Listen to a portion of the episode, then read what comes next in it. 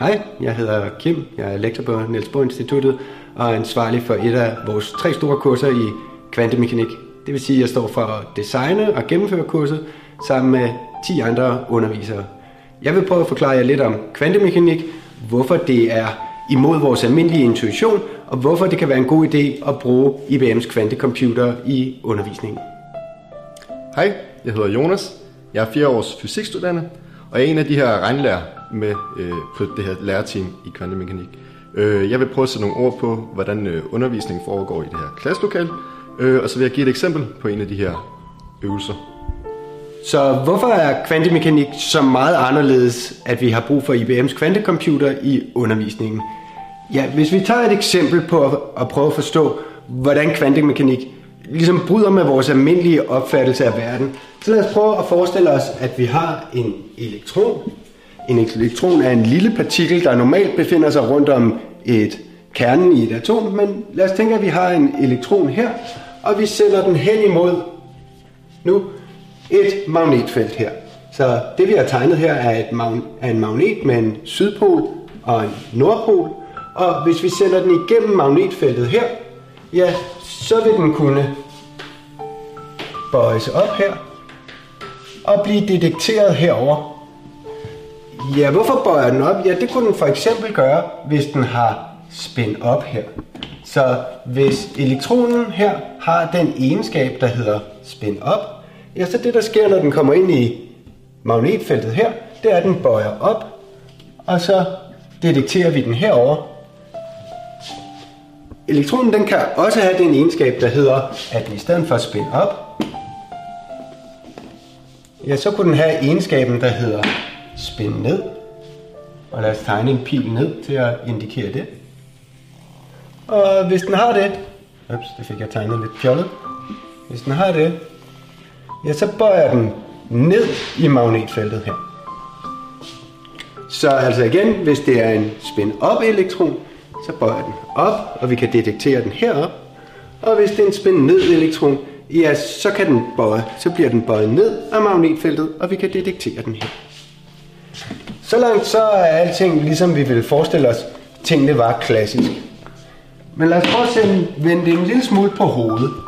Lad os forestille os, at vi herover, vi tegner lige vores detektor her igen.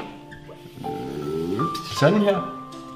Og lad os forestille os nu, at vi har målt elektronen heroppe. Så vil vi klassisk sige, når ja, vi har målt elektronen heroppe, altså må elektronen have haft spin op her.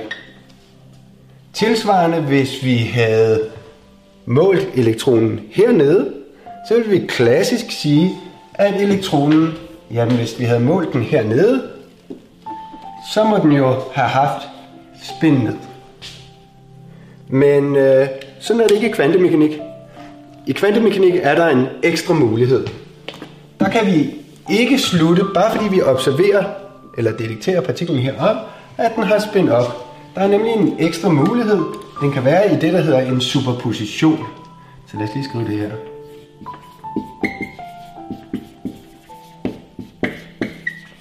I en superposition. Og matematisk så skriver man det sådan her, at den både er op plus ned.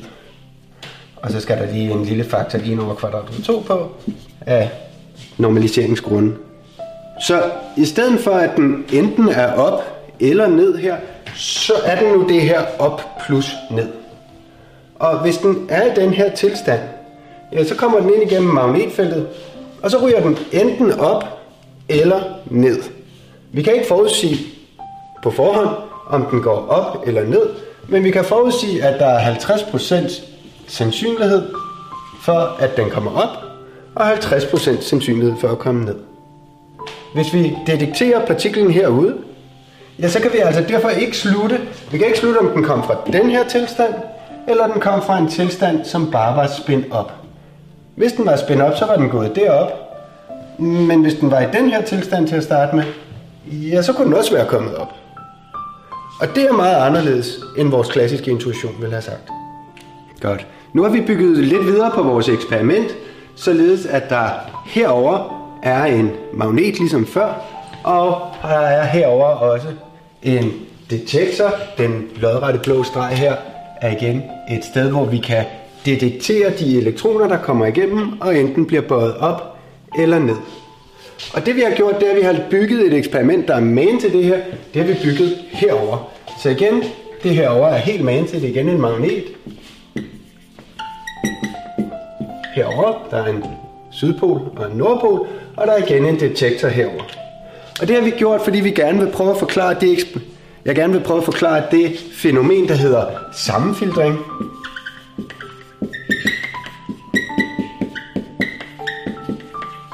Sammenfiltring, eller på engelsk entanglement.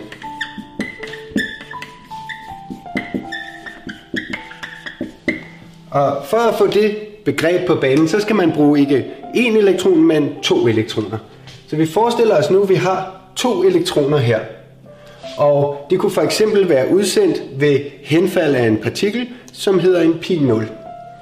Så vil det være en positron og en elektron, men det gør nu ikke så meget forskel. Det vigtige er, at de har begge to også spin, ligesom elektronen. Hvis det lykkes her at få de her to til at være i en sammenfiltret tilstand, og det vil se sådan her ud, spin op, spin ned, minus, spin ned, spin op. Og igen putter vi en 1 over kvadratrodet 2 på, det har noget med normalisering at gøre.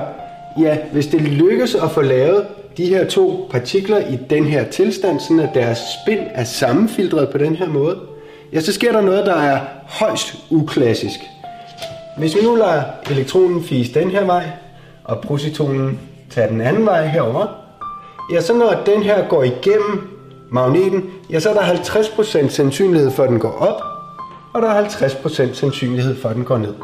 Lad os prøve at forestille os, at vi heroppe detekterer elektronen, og den har altså spin op.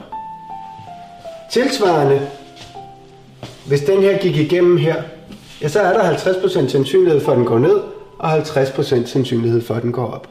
Men fordi vi har observeret den her med spin op, ja, så tager den altså den her komponent her, elektronen har spin op, så tager den den her komponent af vores sammenfiltrerede tilstand, og det vil sige, at positronen her, den bliver nødt til at have spændt ned. Så den har spin ned herovre. Hvis det er omvendt, og der er lige så sandsynligt, at vi havde observeret elektronen til at have spin ned, ja, så havde positronen, ja, den havde automatisk haft spin op herover. Og det, der er ikke nogen klassisk analogi til det. Den her tilstand her har den egenskab, at hvis vi observerer den ene med op, ja, så er den anden herover ned. Og omvendt, hvis den her over havde været ned, ja, så ville den der have været op. Og det her, det sker helt automatisk, når man detekterer den ene. Man behøver ikke gøre noget, man skal bare detektere den ene, så ved den anden det i forvejen med det samme. Og det er præcis de to fænomener, vi har prøvet at illustrere her på tavlen, superposition og sammenfiltring eller entanglement, det er præcis de egenskaber, man udnytter i en kvantecomputer. Godt. Som jeg har forklaret nu her, så er kvantemekanik, det opfører sig betydeligt anderledes, end vi er vant til. Den her sammenfiltrede tilstand, når vi måler på den ene, ja, så betyder det altså noget for den anden. Det er meget anderledes end det, vi er vant til. Det er samtidig grundprincippet i, hvordan en kvantecomputer virker. Og det vi har gjort i kurset her, det er, at vi udnytter kvantecomputeren, som er et enormt delikat kvanteeksperiment. Ja, den udnytter vi til at prøve at få en bedre intuition for, hvordan sådan nogle systemer virker. Og det vil Jonas prøve at forklare nu. Da jeg selv modtog øh, undervisning i kvantemekanik for godt to år siden, øh, så foregik det ved, at vi øh, løste opgaver i bogen, vi læste bogen osv. Øh, og vi løste dem simpelthen ved, at vi sidder og regner med papir og blyant. Øh, derudover så kunne vi for eksempel også i fællesskab diskutere øh, kvantemekanik med vores regnlærer ved en tavle.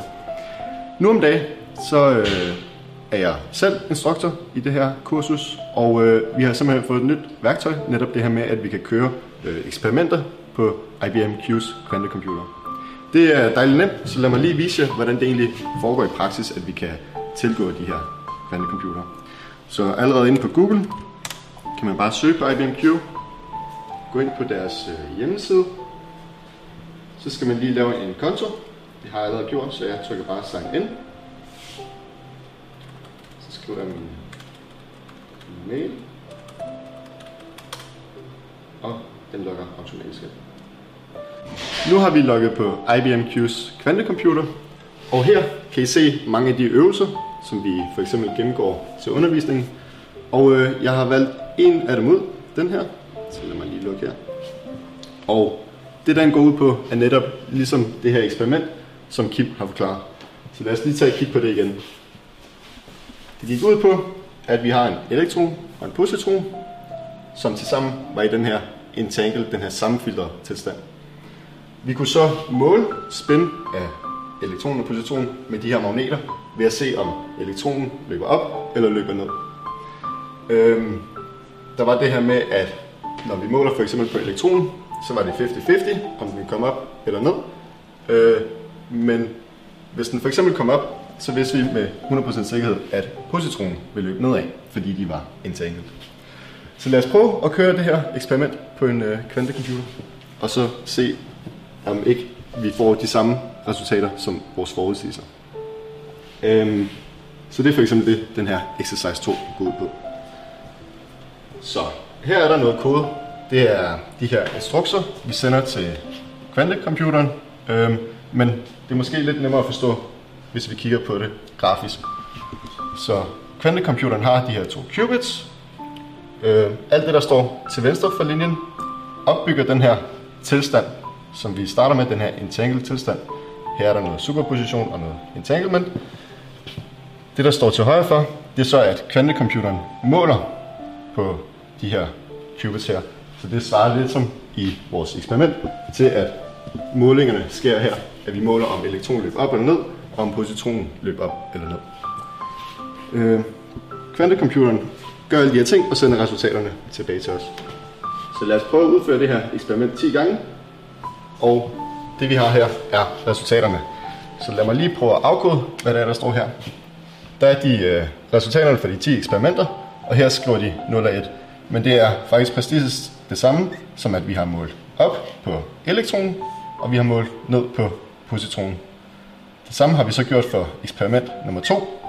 Men for det tredje eksperiment har vi for eksempel målt, at elektronen peger ned, og positronen peger op, og så videre og så videre. Så vi kan se her, at vi altid måler, at de peger hver sin retning, og at de aldrig peger i samme retning. Derudover kan vi også prøve at tælle sammen, cirka hvor mange gange at elektronen peger op, og hvor mange gange den peger ned. Og så får vi nogenlunde den her samme fordeling med, at det var 50-50.